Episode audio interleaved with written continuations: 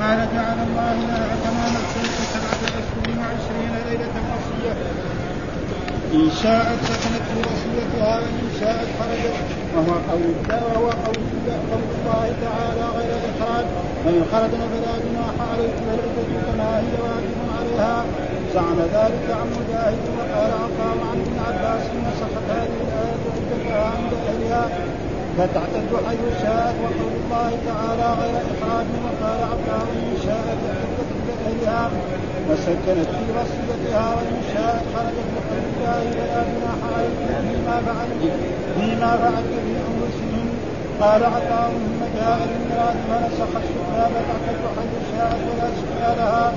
قال حدثنا محمد بن كثير عن سفيان عن عبد الله بن أبي بكر عن حزم قال حدثني حميد بن نافع عن خير بن سلمة عن حبيبة بن ابي سفيان لما جاءها نعي نعي ابيها دعت فمسحت ذراعها وقالت ما عندك من حاجة؟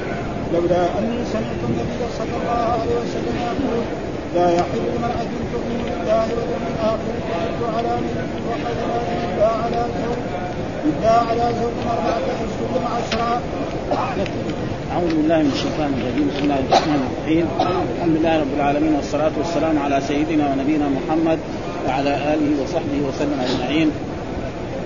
قال الإمام الحافظ محمد بن إسماعيل البخاري رحمه الله تعالى باب الكفر للحادة يعني باب في حكم الحكم استعمال المرأة الحادة.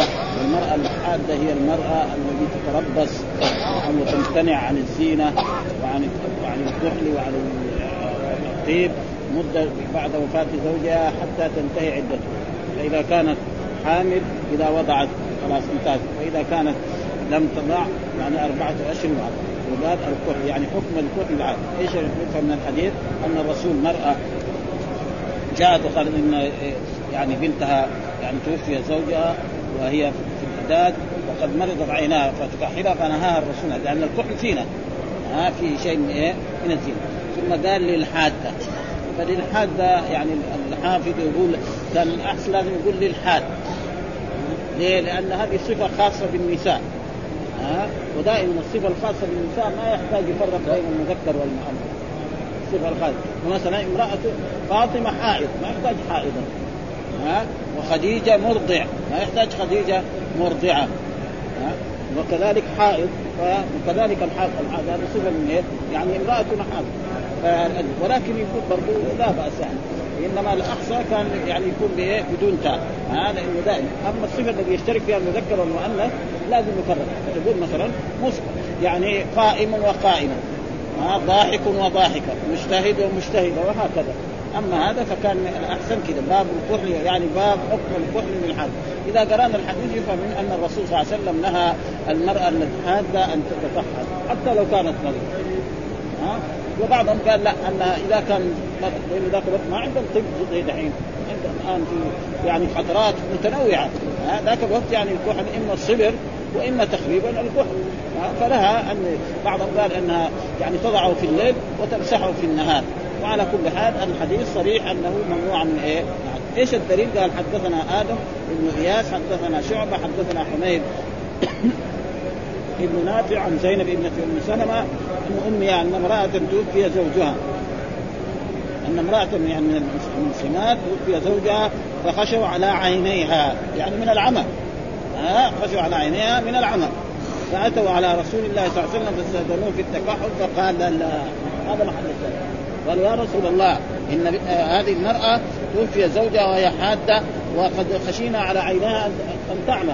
من شدة إيه؟ المرض. أصابها الرمد أو أصابها يعني الترخومة أو غير ذلك. دحين يقولوا كده. ما في أمراض من العيون الترخومه والرمد وغير ذلك وأشياء لا نعرفها لسنا أطباء. نعم فاستاذنوه في الكوف فقال لا هذا محل الشاهد فاذا المرأة الحادة لا تكفي ليه؟ لأن الكحل زينة وهي ممنوعة من الزينة. طيب هل ممنوعة من الذهب والفضة؟ بعضهم يقول ممنوعة والبعض يقول لا. والصحيح أنها ممنوعة. لها ما تلبس الذهب والفضة وهي يعني في الحداد. لا ها؟ ثم الرسول علل قالت كانت إحداكن تمكث في شر احلافها يعني كانوا في الجاهلية إذا مات الرجل وزوجته تروح تدور أخس ثياب لها وتلبسها. ثم تدور اخص غرفة واخص مكان وتجلس فيه سنة كاملة. الإسلام جاء لا. الآن أربع اشهر وعشر أيام.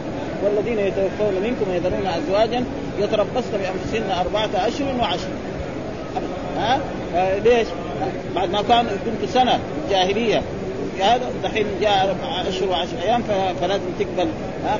تمكث في شر احلام أو شر بيتها فإذا كان حول فمر كلب رمت ببعرة. حتى تمضي أربعة أشهر وعشر. قال الرسول لازم تمكث حتى تمضي أربعة أشهر وعشر. وكانت إذا إذا انتهت تأخذ يعني حيوان وتتمسح به وذلك الحيوان لا يعيش في الغالب. ثم بعد ذلك ترمي بالبعرة ثم تذهب نعم إلى بيت أهلها وتتزين فإذا أرادت أن تتزوج تتزوج الآن لا الإسلام جاء بأربعة أشهر والذين يتوفون منكم ويذرون أزواجا يتربصن بأنفسهن أربعة أشهر وعشر هذا الأحاديث. الحديث الثاني برضه هو مثل الحديث الأول يعني برضه نفس هذا وسمعت زينب ابنة أم سلمة. مثل الحديث تقدم لنا أول تحدث عن أم حبيبة. أم حبيبة من أزواج النبي صلى الله عليه وسلم بنت أبي سفيان آه رضي الله تعالى عنه أن النبي قال لا يحل لامرأة. معناه لا يحل معناه حرام. الشيء الذي ينهى عنه. تؤمن بالله واليوم الآخر. ومعنى تؤمن بالله واليوم الآخر تؤمن إيمانا كاملا. فليس المرأة الذي لم تفعل ذلك تكون كافرة. ها؟ وهذه يجب هذه الأحاديث أن نفسرها. ولكن في الوعظ والإرشاد فلا بأس أن تترك كذلك. يعني في الوعظ والإرشاد لا بأس أن تترك كذلك بدون تفسير. ولكن لطلبة العلم يجب أن نفسرها عشان لا يروح بعض طلبة يقول لا تؤمن معناه إذا فعلت ذلك ما هي مؤمنة. هذا يصير غلط جدا. ها؟ أما في الوعظ والإرشاد فلا بأس بذلك. مثلا يعني لا يدخل الجنة عاق لوالدين لا يدخل الجنة مدمن الخمر مثل هذه الأحاديث تترك على ظاهرها في الوعظ والإرشاد في خطب الجمعة يخاف الناس. أما في طلبة العلم فلا تؤمن يعني لا تؤمن إيمانك فالمرأة الذي لا تفعل ذلك يكون عندها نقص في إيمان. ومعلوم أن الإيمان يزيد وينقص يزداد بالطاعة وينقص ليزدادوا إيمانا مع إيمان. فاما الذين آمنوا فزادتهم إيمانا وهم يستبشرون. وأما الذين في قلوبهم مرض فزادتهم رجسا إلى رجسهم وماتهم كافر فالإيمان يزيد وكل عالم أو قال إن الإيمان لا يزيد ولا ينقص فهو غلطان. فالايمان يعني قول باللسان واعتقاد بالقلب وعمل بالجوارح يزيد بالطاعة وينقص بالمعصية. ثلاثة أيام. يعني لا ت... فإذا مات مثلا أب أو أخ أو عم أو خال أو أم فل... فلأقارب الميت هذا أن أن يظهر عليهم الأثر ولا هذا مدة ثلاثة أيام. وبعد ثلاثة أيام يرجعوا إلى عادته. هذا الواجب. وهنا في عادات كثيرة موجودة في هذا البلد وفي غيره. يعني عادات خصوصا في المآتم اشياء يعني مثلا نحن نرى بعض شباب اليوم في المدينة إذا إذا مات له قريب كان يلبس العقال يبطل لبس العقال. مدة من الزمن. يعني أشياء زي هذه ها؟ ها؟ كان هو رجل يعني دائما عنده عقال في رأسه موظف أو شاب. يبطل العقال مدة من الزمن. وبعد ذلك يرجع. وفي بعض الناس كذلك يقعدوا سنة ها؟ حتى العيد ما يعينوا حتى لو جيت إلى إلى بيتهم تجد الغرف كلها يعني النوافذ كلها مغلقة. ولا يفتحون. فإذا استحوا منك يفتحوا لك. يعني فهذا كله لا ينبغي. كل أشياء وكثير يعني في بدع في المآتم في جميع البلاد الإسلامية. يعني هذا. فهذا لا. إلا على زوج أربعة اشهر وهي قول الله تعالى والذين يتوفون منكم ويذرون ازواج تربصن بانفسهن أربعة اشهر وإذا كانت حامل وولاة الأحمال أجلهن أن يضعن حمل وقد تقدم آه يعني قصة سبيعة آه فإن سبيعة بعدما توفي زوجها بأيام ولدت فأرادت أن تتزوج فمنعها أخ لها أو قريب لها ولبست ثيابها في بعد عشرة أيام وجاءت إلى رسول الله صلى الله عليه وسلم فقال لها الرسول إن شئت تزوجي وانكحي بس بشرط أن الزوج لا يقربها حتى تطهر من إيه؟ من دم النفاس.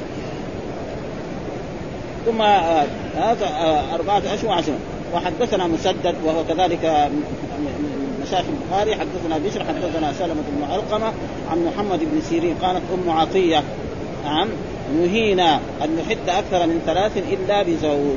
نهينا ودائما إذا الصحابي قال نهينا عن كذا أو أمرنا بكذا معناه من الآمر الرسول صلى الله عليه وسلم يعطى حكما حديثا مرفوعا. يعني هذه قاعدة عند إيه؟ عند المحدث. إذا قال الصحابي أمرنا بكذا أو نهينا عن كذا أو من السنة كذا يعطى حكم الحديث.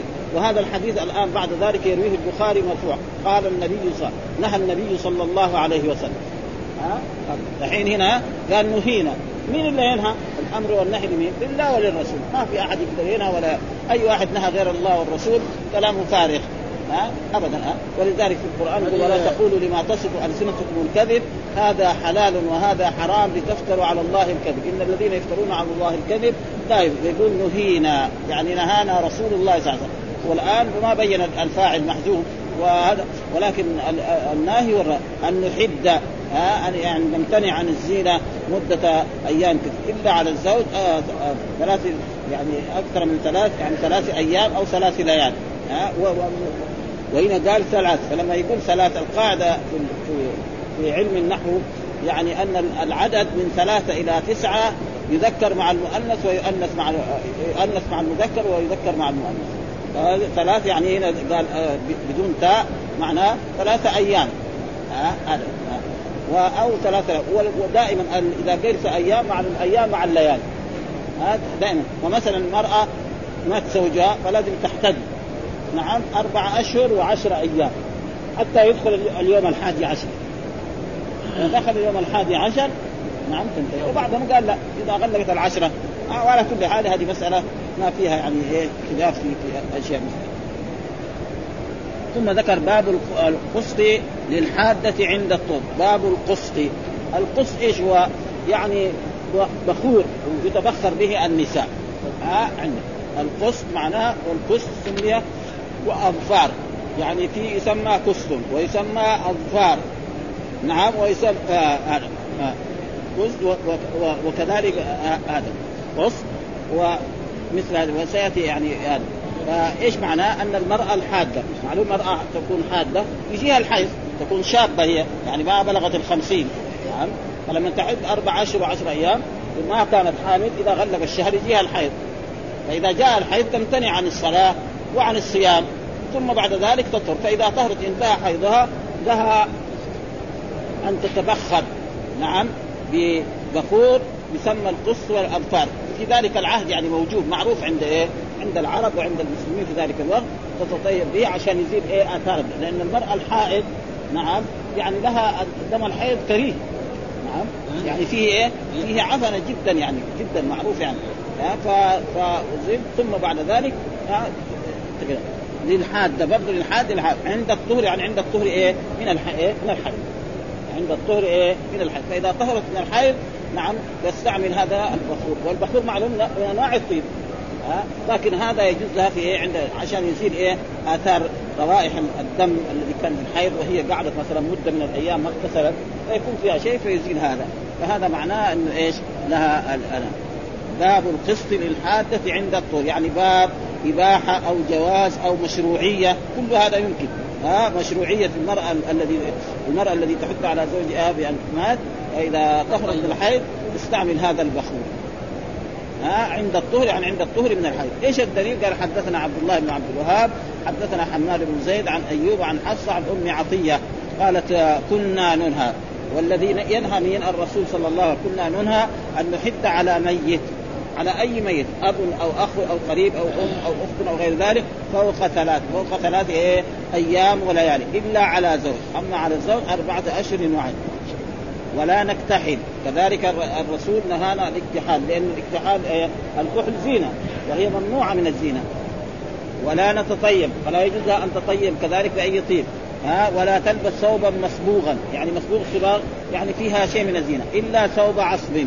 إيش الثوب العصب هذا؟ الثوب العصب هو هي برود آه وهي برود اليمن يعصب غزلها أن يربط ثم يصبغ ثم ينسج مصبوغا معصوبا.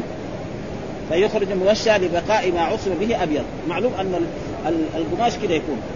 في خيوط كده وفي خيوط كده. فهذه لما يجوا يساووا هذه الخيوط من هذا يكون إيه؟ يلفوها كده وذاك الوقت اصبغه معروفه عاديه فيصبغ الثوب وهذا يكون مربوط. فإذا صبغوه ثم بعد ذلك نسجوه يسحب الا إلا كان هذاك مربوط في الصباغ يصير أبيض. يعني تلبس ثوب إيه؟ يعني فيه شيء من البياض ما في بس هذا معناه. آه آه لها أن إيه؟ تفعل مثل هذه الأشياء. آه إلا ثوبا مصبوغ وهو هذا المصبوغ قال وإيش معنى المصبوغ؟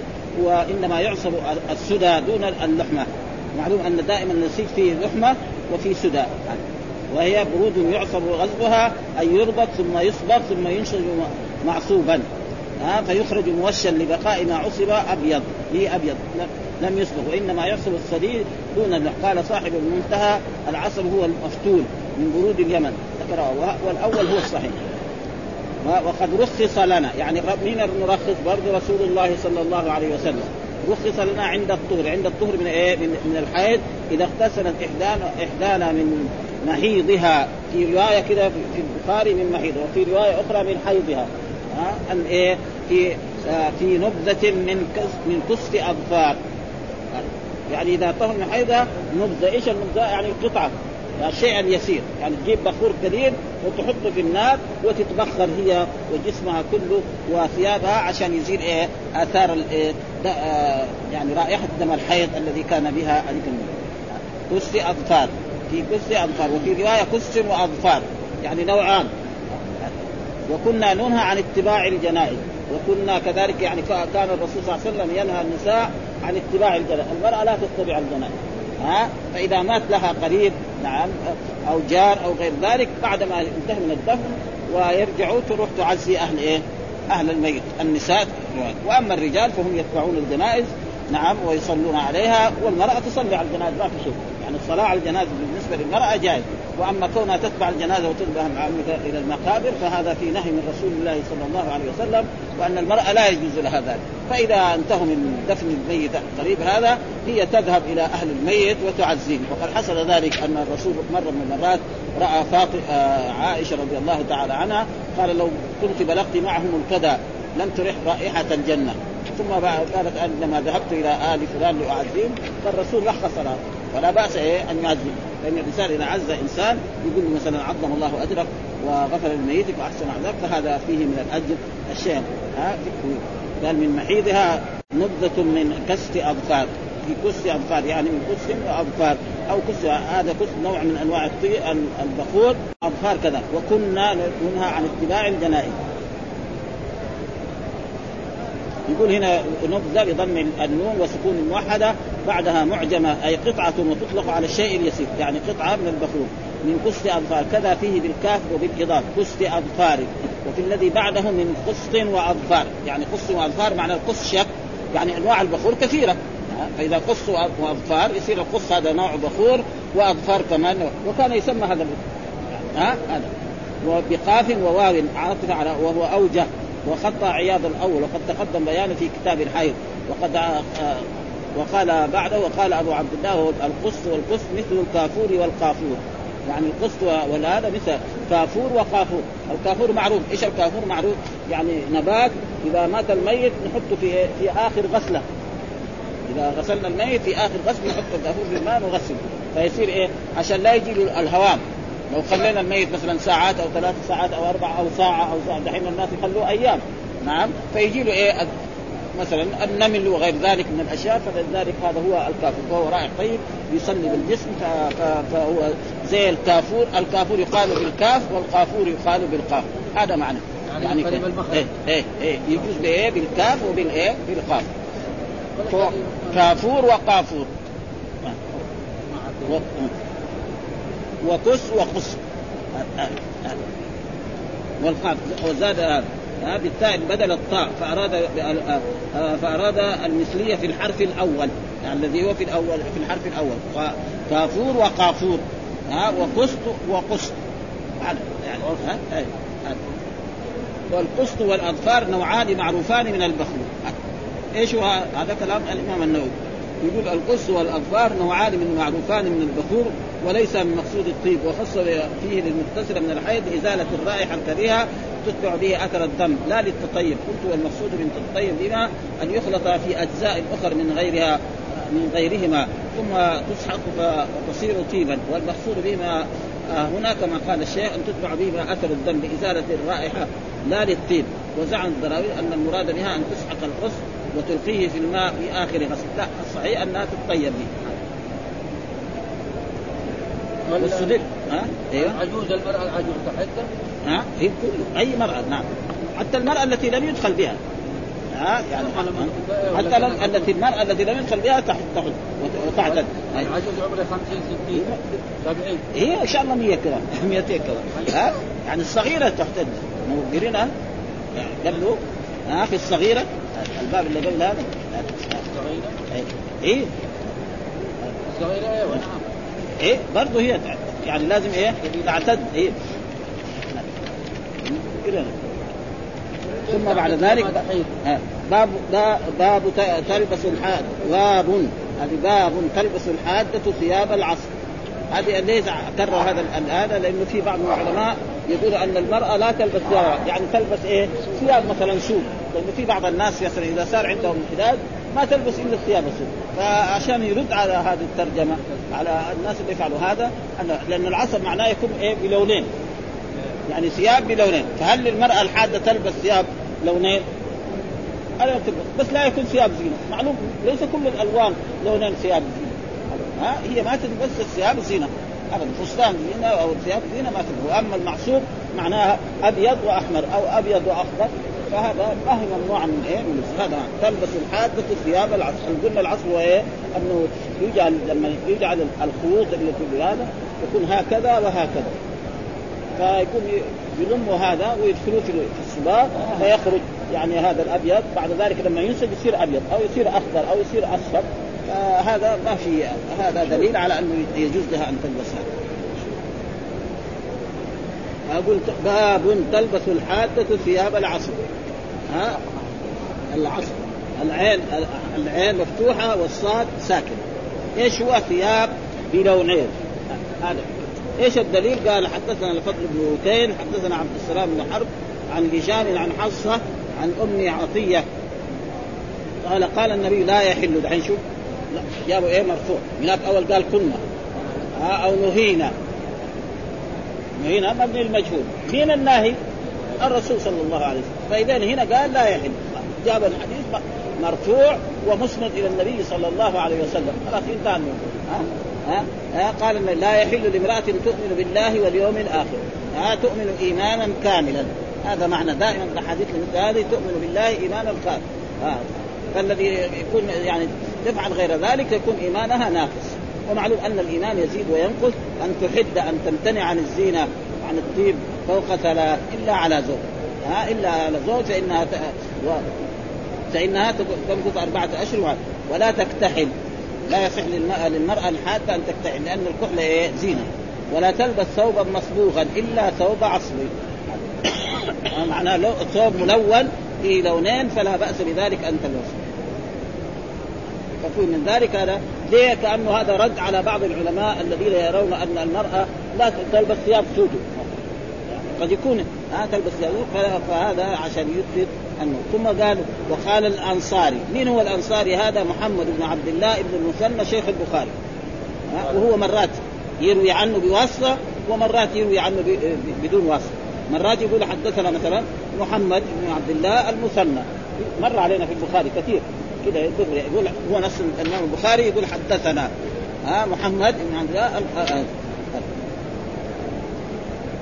وفي بعض المرات يقول إيه؟ بهذه الأشياء.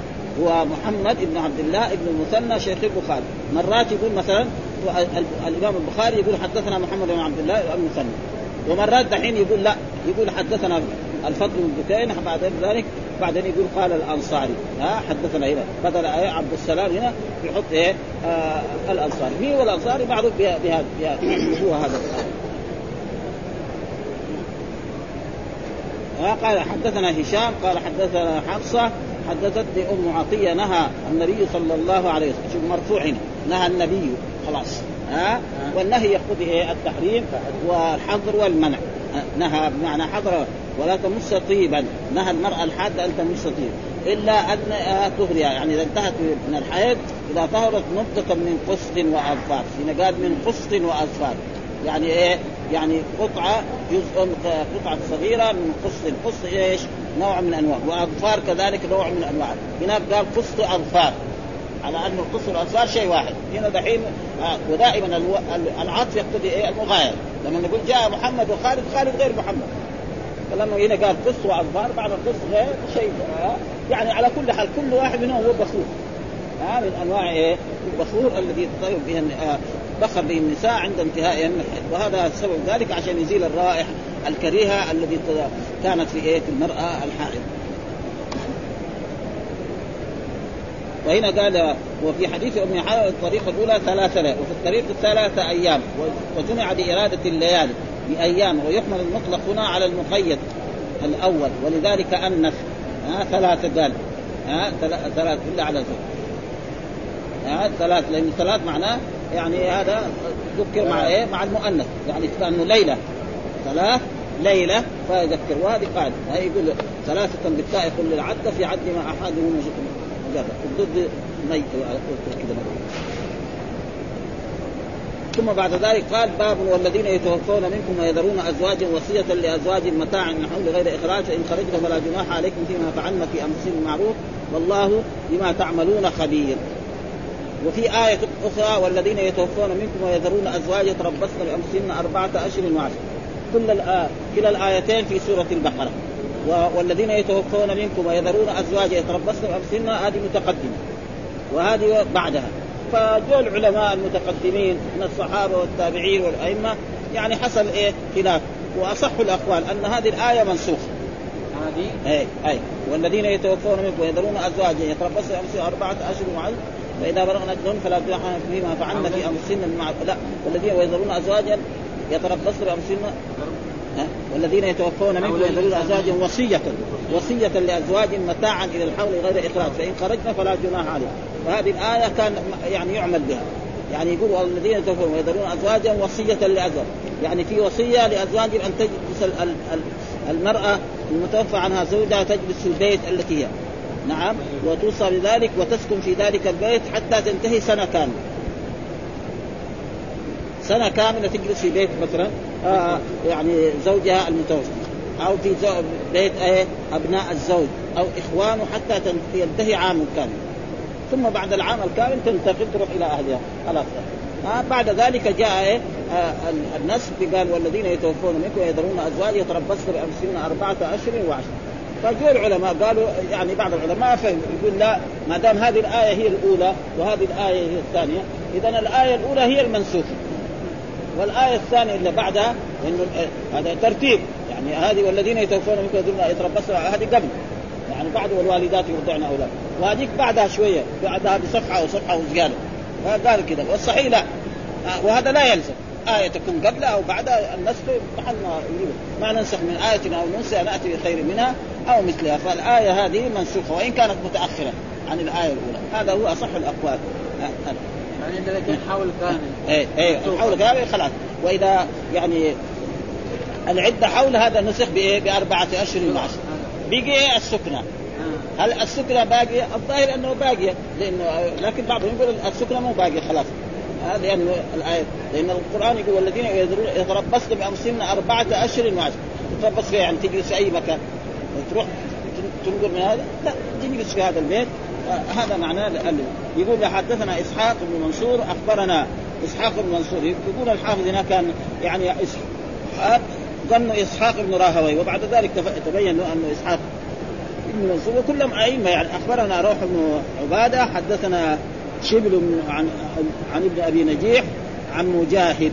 ها مجاهد مين؟ مجاهد بن جبر أحد التلاميذ عبد الله بن عباس حبر الأمة وطيب والذين يتوفون منكم ويذرون أزواجا وصية قالت كانت هذه العدة تعتد عند أهل زوجها واجبا. يعني كان في أول الإسلام إذا مات الرجل وكان له زوجة فهذه الزوجة تعتد عند أهل زوجها مدة سنة كاملة. سنة كاملة. بعد السنة بعد ذلك وتسكن عنده. هذا كان يقول عند أهل زوجها امرا واجبا. يعني أمر أوجبه الله وأوجبه الشرع في هذه. فأنزل الله تعالى والذين يتوفون منكم ويذرون أزواجا وصية لأزواجهم متاعا حول غير إخراج. فإن خرجن فلا جناح عليك فيما فعلن في انفسهن يعني فإن خرجت فتركت راحت إلى أهلها قال جعل الله لها تمام السنة سبعة أشهر وعشرين ليلة وصية. إن شاءت سكنت في وصيتها وإن شاءت خرجت وهو قول غير إخراج. يعني أنتم لا تخرجوا أنتم أيها أولياء الميت يعني أولاده وأهله وإخوانه لا يخرجوا هذا. تقعد سنة كاملة في هذا البيت. نعم؟ ثم بعد ذلك جاءت الآية الثانية والذين يتوفون منكم ويذرون أزواج يتربصن بأنفسهن أربعة أشهر وعشر. هذا كلام إيه؟ يعني مجاهد. ثم إن شاءت سكنت في وصيتها وإن شاءت خرج وهو قول غير إخراج. فإن خرجنا فلا جناح عليك فالعدة كما هي واجب عليها. الحجه واجبه زعم ذلك آه عن مجاهد. وقال عطاء الذي هو كذلك عطاء بن أبي رباح وهو كذلك من تلاميذ عبد الله بن عباس. قال ابن عباس آه نسخت هذه الآية عدتها عند أهلها. آه نسخت هذه الآية نسخت هذه الآية عدتها عند أهلها فتعتد حيث شاءت. يعني هذه تعتد وهو قول إخراج وقول الله تعالى غير إخراج وقال عطاء إن شاءت اعتدت عند أهلها كأنه عطاء هذا يرى أنها محكمة. والصحيح أنها منسوخة. ها يعني والمنسوخ على في القرآن على أنواع. في منسوخ اللفظ والمعنى. يعني آيات كانت موجودة في القرآن ربنا رفعها مرة واحدة. ما في مرة. ها؟ وفي آيات لا منسوخ اللفظ نعم منسوخ المعنى وتقرأ. زي هذا. زي آيات مثلا ترك الكفار والمشركين. نعم إن إلينا ايابكم إن علينا حسابهم. لست عليهم بمسيطر. هذه نقراها لست عليهم. بعدين جاء الجهاد. ما يدخل في الإسلام يجاهد في سبيل الله. إما يسلم يعني يسلم وإما يسلم الجزية. ف...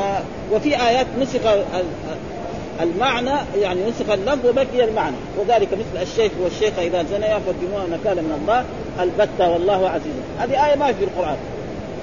ولكن حكمها باقي. ها؟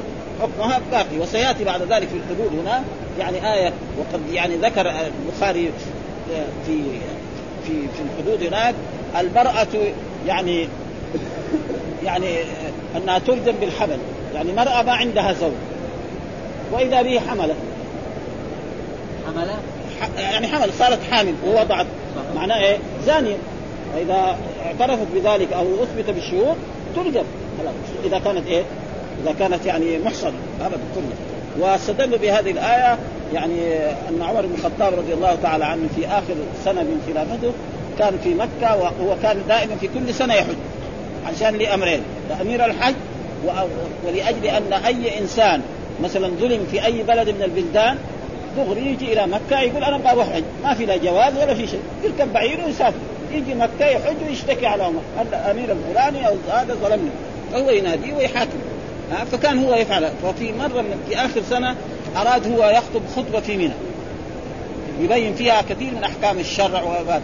فقال له بعض أصحابه الكبار كعبد الرحمن بن عوف وفلان وفلان لا تفعل هذا فإن الحجاج بعضهم عوام. تروح تخطب خطبه تبين فيها ما يفهموا طيب يروح بلدهم يقولوا قال قال أمير المؤمنين كذا وكذا. ويصير لخبطة على المسلمين. إنما هذه الخطبة اخرها للمدينة انت هناك لما تيجي المدينة.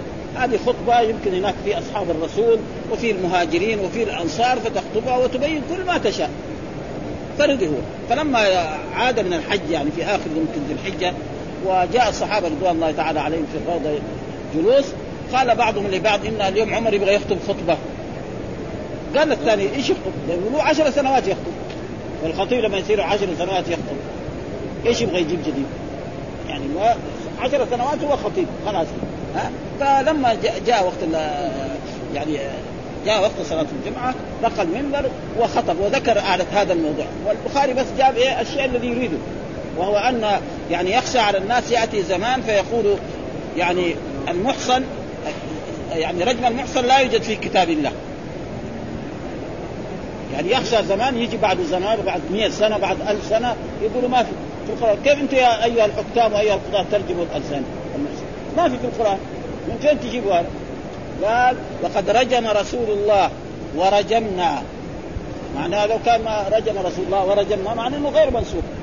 هذا هو. وجاب هذا. والخطبة الباقية ما جاب لنا هي. ولعلنا بعد ذلك يعني نقرأ يعني نمر علينا هذا فهذا معنى قال فنسخ فنسخ السكنى فتعتد حيث شاءت ولا سكنى لها. ها وأما العدة يعني هذه ف والآية اللي عليها العمل الآن والذين يتوفون منكم ويذرون أزواج يتربصن بأنفسهن أربعة أشهر. وأما هذه الآية فمنسوخة. والنسخ معروف أن يعني يكون منسوخ اللفظ ومنسوخ المعنى والقرآن قال ما ننسخ من آية أو ننسى نأتي بخير منها أو مثلها. وكان كثير السور يعني كانت سورة الأحزاب يقولوا كانت يعني سورة كبيرة أكبر من كذا والآن ما بقي منها إلا شيء كذا ثم قال حدثنا محمد بن كثير عن سفيان عن عبد الله بن أبي بكر بن عمرو بن حزم. حدثني حميد بن نافع عن زينب ابنة أم سلمة عن أم حبيبة ابنة ابي قال لما جاءها نعي أبيها نع النعي مع النداء بموت الإنسان. ها نعى نعي بموت الإنسان. فالنعي إذا كان مثلا جاء في الحديث نهى رسول الله صلى الله عليه وسلم عن عن النعي، إيش النعي؟ يعني زي ما يساوي في عصرنا هذا. مثلا مات فلان ينشر في الإذاعة. ها في التلفزيون في الصحف هذا في نهي. من جهه لكن مثلا مات إنسان أخ لنا في في البلد يقابل إخوان والله اليوم مات فلان. ها عشان نحضر نجهزه ونصلي عليه وندفنه يحصل لنا الأجر. كل من صلى على الجنازة وتبع له كم؟ له قيراط. والقيراط مثل جبل أحد. والناس بيفرطوا في هذا القيراط. ها ابدا. قيراط مثل جبل أحد؟ شيء ما يعني شيء ثمين جدا. ومع ذلك تجد مسلم ما يصلي على الجنائز. خسارة هذه. لو قيل له يعطوا له 5 ريال أو 10 ريال أو إن كان غني يعطوا له 1000 ريال يقول مرحبا. يعني بلكن الف... أصحاب الفلوس يعني 5 ريال ما تصلح معاه و10 ريال. لكن إذا في 1000 ريال ولا أكثر يساوي. ف... فيجب على الناس يعني. فالنعي هو هذا. النعي المكروه هو النداء. لأنه أهل الجاهلية إيش كانوا إذا مات إنسان عظيم يطلعوا على الجبال. وينادوا فلان العظيم اللي صار كذا وكذا وكذا هذا فيما وأما النعي بمعنى ذكر أن فلان قد مات ليحضر إخوانه وهذا فلذلك قال نعي يعني أخبر إيه؟ أخبرت هي بأن جاءها خبر ان أن أباها توفي دعت بطيب دعت إيه؟ ام آه أم حبيبة وهي من يعني بنت أبي سفيان ومن أزواج النبي صلى الله عليه وسلم دعت بطيب فمسحت ذراعيها ها هذه ذراعيها وقالت ما لي بالطيب من حاجة لأنه والدها توفي ما لها بالطيب من حاجة. لكن سمعت رسول الله صلى الله عليه وسلم يقول لا يحل امرأة تؤمن بالله واليوم الآخر أن تحد على ميت فوق ثلاث يعني فوق ثلاثة أيام وفوق ثلاث إلا على زوج أربعة أشهر وعشر. فالزوج لازم تحد عليه وتمتنع من الزينة ومن الطيب وغير ذلك. أربعة حتى الكحل ما آه هذا هو اللي إيه يريد البخاري بهذه الترجمة. وثم ذكر باب مهر البغي. والنكاح الفاسد وقال الحسن. باب مهر البغي. يعني إيه؟ مهر البغي يعني الزاني. معلومه الزاني ما يزني بمرأة مجانا لابد يعطيها شيء. فهذا إيش يسمى؟ سماه مجازا وإلا هو ما هو مهر. المهر لمين؟ للزوج الذي تتزوج زواج صحيح إسلامي. ها هذا هذا لكن سمي هذا على وجه المجاز. لأنه عمره ما يمكن رجل يزني بمرأة بدون مقابل. لابد يعطيها شيء. ها فسمي مهرا على وجه. فهذا المهر إيه؟ حرام. والنكاح الفاسد. وحكم النكاح الفاسد. إيش؟ حكم مهر البغية هذا حرام. لا يجوز له. و... و... والنكاح الفاسد، النكاح الفاسد إذا مثلا رجل مثلا نكح تزوج امرأة وهو محرم. رجل مثلا أحرم بالعمرة أو أحرم بالحج. ثم بعد ذلك راح لشخص آخر وقال له زوجني بنتك فلان فقال له زوجتك بنتي فلانة. إيش الحكم؟ الحكم هذا النكاح باطل. أو محرمة. راح تزوج مثلا يعني أخته أو عمته أو خالته. محرمة يعني إيه؟ محرمة نكاحها. بعضهم يعني رواه محرم وبعضهم رواها محرم. فالمحرم مثلا رجل يتزوج أخته من الرضاع. يروح يعقد على أخته. فإذا نا... على اخته بشبهة ما يعرف إنه ثم بعد ذلك أعطاها مهر أو دخل بها. ولكن إذا علمنا ذلك نفسخ النكاح هذا. هذا الواجب. وكذلك الذي يتزوج لأنه جاء في أحاديث عن رسول الله صلى الله عليه وسلم أنه نهى رسول الله صلى الله عليه وسلم ان المحرم لا ينكح ولا ينكح و وحقيقة هنا الإمام البخاري رحمه الله تعالى في مسألة آه، ميمونة لما تزوجها الرسول صلى الله عليه وسلم هل كان محرما أو غير محرم؟ عبد الله بن عباس يقول أنه كان محرم وهي خالد وأبو رافع الذي كان الواسطة يقول ما هو محرم. والإمام البخاري ما جاب إلا احاديث ابن عباس يعني مرت علينا قريب هنا السنة هذه يعني من الغرائب لكن الحافظ بين. يعني عبد الله بن عباس في هذا يعني تقريبا مسلم أو غلطان أو واهم لأنه السفير اللي كان يروح لها ويجي للرسول يقول غير محرم. فهذا هو الصواب. والرسول نهى أن ينكح المحرم أو ينكح. الرسول يعني الأحكام الشرعية ولكن بعضهم يجي يقول لك يقول لك هذا خاص برسول الله صلى الله عليه وسلم. الرسول له أن ينكح يعني يمكن في هذا في أشياء الرسول يعني يختص بها. وعلى كل حال هذا هو يعني هذا معناه و, و مهر البغي؟ ونكاح فاسد. وقال الحسن ها إذا تزوج محرمة محرم معناه محرم عليه في النكاح. أم وعمته أو خالته أو اخته من الرضاع. نعم وهو لا يشعر يعني ما عنده خبر. أما إذا هو يشعر هذا يحد. يقتل كمان. ها؟ ها؟ ولا لازم تعتد لازم تعتد. ولها ما أخذت. فإذا أعطاها مال فلا مال وليس لها غيره. ها؟ وإذا ما عين لها لها مثل آه يعني يعني مثل إيه؟ يعني أقاربها وهذا ثم قال بعد لها صداقها. ثم قال بعد. إيش الدليل؟ آه الحديث اللي حدثنا عبد الله علي بن عبد الله قال حدثنا سفيان عن الزهري عن أبي بكر بن عبد الرحمن عن ابي مسعود نهى النبي صلى الله عليه وسلم عن ثمن الكلب. ها الكلب لا يشترى ولا يباع ولا يجوز. فإذا كان انسان له يعني بستان ويحتاج كلب يأخذ من زميل له أو صديق له أو جار له. هذا هو. فلا يجوز بيع الكلاب. الآن الكلاب تباع بمبالغ عظيمة. نعم فالمسلمون لا يجوز لهم. وأما النصارى واليهود فإذا باعوا نحن ما, ما لنا شأن بهم. نقول لهم أول تعالوا قولوا لا إله إلا الله محمد رسول الله. وبعد ذلك نتفاهم. الآن المشكلة أن المسلمين هم اللي يربون الكلاب. هذا موجود يعني في العالم. مسلم يربي له كلب في بيته؟ وحلوان الكاهن. حلوان الكاهن معناه الكاهن الذي يدعي المغيبات. يسرق سرقة يروحوا له يقول من اللي سرق السرقة؟ هذا فيعطي له كذا مبلغ من الوان يعني يسماها. ومهر البغي يعني مهر الباغي الزاني. هذا لا يجوز. فهذه الأشياء محرمة. حدثنا آدم كذلك حدثنا آه، شعبة حدثنا عون بن أبي حيفا عن ابي قال لعن النبي صلى الله عليه وسلم الواشمة والمستوشمة وآكل الربا ومكره ونهى عن ثمن الكلب. برضو نهى نهى معناه حضر ومنع وحرم ها؟ لعن النبي صلى الله عليه وسلم. واللعن معناه يعني إيه؟ الطرد من رحمه الله. والرسول لا يلعن بالله انسان إلا إذا ارتكب إيه؟ كبيرة من كبائر. فلعن الله الواشمة. الواشمة الذي تشم يعني مثلا للزينه لأنه كان هذا زينه بعضهم يشم مثلا يعني شفتيها والبعض اليد والبعض هنا وكثير يعني إنما قل الآن. يعني هذا كان من أنواع الزينه في كثير من الاخبار ها بعض يسيلوا هنا زي الأسد.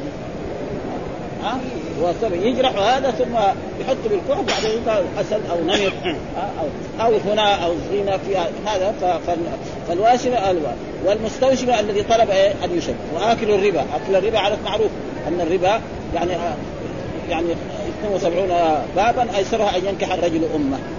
وموكله الذي اكل ونهى عن ثمن الكلب وكسب البغي. هذا محل الشاهد ولعن المصورين. هذه كلها أشياء محرمة. لعن المصورين. ما المصورين؟ الذي يصور ما ما له روح. الذي له روح فلا يجوز وغير ما له روح فجائز. فيصور مثلا المساجد يصور الخرائط يصور الجبال هذا جائز. وقد جاء رجل إلى النبي صلى الله عليه وسلم فقال أنا هذه صنعت. قال إذا صور ما ليس له روح. وليس معنى هذا ما له روح. يعني إنما يعني النبات له روح. ها؟ يحس وفي ذكر وفي أنثى وفي غير ذلك فعلى كل حال لعن المصورين. وهذا هو الصحيح. لكن جو دحين يقول لك ابدا المصورين يعني هذا يقول لك هذا ظل سمعنا من بعض العلماء يقول لك أن هذا الصور اللي موجودة في الكتب وفي هذا هذا ظل هذا مو صحيح هذا مغالطه لأن الصورة يقول هذا ظل زي الإنسان لما يوقف في المراية.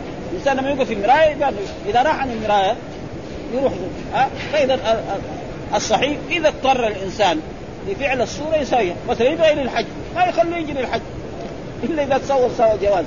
غصب عنك فيتصور مثلا يبغى يدخل مدرسة الآن في عصر الآن ما يخليه يدخل المدرسة ولا يدخل الجامعة ولا يدخل إيه؟ إلا بالتصوير. ليه؟ عشان لا يصير غش في الاختبارات و... فما في بأس. هذا هو يعني هذا أصح. وأما كونه يعني ما ظهر لنا إنه حلال وهناك من يقول فالذي يكون حلال علينا.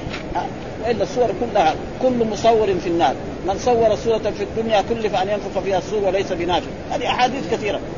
أحاديث صريحة يعني ما هي ثم يعني نص الأئمة زي الحافظ وغير ذلك يقول كل الصور حرام ما في شيء. لا الملوك ولا الأمراء ولا شيء ولا التلفزيون ولا شيء. هذا الأحكام الشرعية. وإذا تصورنا يصير أذنبنا. خلاص. ها. ها. نعم عسى الله أن يعفو عنا. يعني ما يحتاج يعني لأن لما يقول جائز وحلال يصير ذنبين. واحد ذنب يكفي. ذنبين مصيبه حلال ونتصور هذا فيها مش إشكال. واحد منها يكفي نعم الصور حرام هذا هو الذي يظهر من النصوص. فإذا اضطررنا لذلك مثلا حفيظه نفوس جواز إقامة. بد منها. يقولوا له ما يمكن. ابدا. لابد فإذا صور الانسان إيش يمكن ربنا يعفو عنه. أشياء. وهي لها مصالح.